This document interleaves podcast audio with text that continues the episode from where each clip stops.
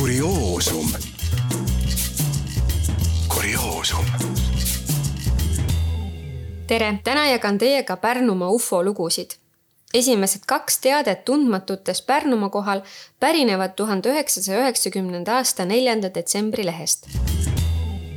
reede hommikul helistas toimetusse väikefirma Lavek keevitaja Tõnu täna hommikul sõitsime kaheksakesi Keki mikrobussiga Lavassaarde tööle Audru koolimaja juurest ära keerates märkas bussijuht esimesena metsa kohal tähte meenutavat valgusallikat. see seisis paigal, saates maa poole rohekas sinakaid valguskiiri. madalamal need laienesid ja peegeldusid vastupidi tagasi. valgusallikas võis olla väga kõrgel, kui arvestada silmapiiri. Läksime bussist välja, jälgisime tundmatut mõne minuti. kell oli seitse null kaheksa novembrikuu viimase päeva hommikul olid manijalt laevale ruttajad hämmelduses. ida taevasse tõusis kolmnurkne helendav keha, mis jättis enda järele helendava gaasipilve. kolmnurk kadus kiiresti, helendav pilv aga püsis umbes seitse minutit. merega harjunud mehed arvasid ufo stardikohaks oleva Pärnu-Jaagupi kandi. tundmatu objekt kadus kõrgusesse. kell oli umbes seitse ka kahe tuhande kolmanda aasta kahekümne kaheksandal mail teatas leht, et Pärnu kohal kolas ringi ufo. ülemöödunud nädalal nähti päise päeva ajal Pärnu kohal tundmatut lennuaparaati, mis õnnestus ka jäädvustada. vaatasin, et huvitava kujuga pilveke seisab, meenutas kummalist juhtumit Vladimir. siis aga taipasin, et see pole üldse pilve moodi, vaid võib-olla hoopis lendav taldrik et ta õppis sõpradega seltsis parasjagu käsitsema paari päeva eest ostetud digikaamerat, ei peetud pikalt aru, vaid võeti taevas hääletult heljunud imelik asjandus kohe üles.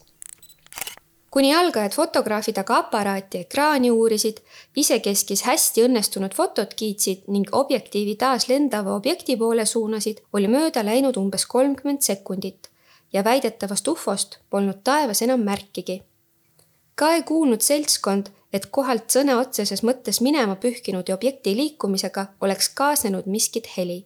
Vladimir ütles, et lennukit oskab nii tema kui oskavad ka temaga koos olnud sõbrad iga inimese kombel linnust siiski eristada ja kaamerasse püütud kujutis ei olnud kohe kindlasti mitte sulgloom.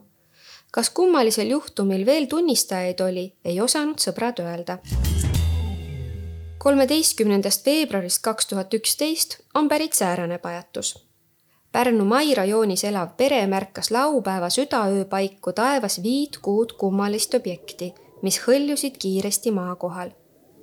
ma ei julge öelda, et need olid ufod, ütles toimetusele vihje saatnud pereema.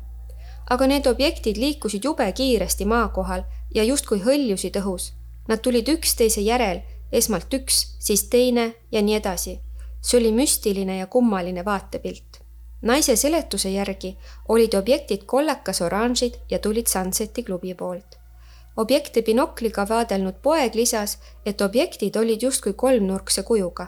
kohati muutsid objektid kuju.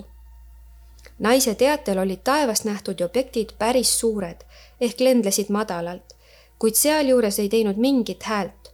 see oligi veel kõige müstilisem, lisas naine. objektid olid täiesti vaiksed seega ei saanud need olla helikopterid. vaadake taevasse, ehk näete teiegi midagi huvitavat. kurioosumini. kurioosum. kurioosum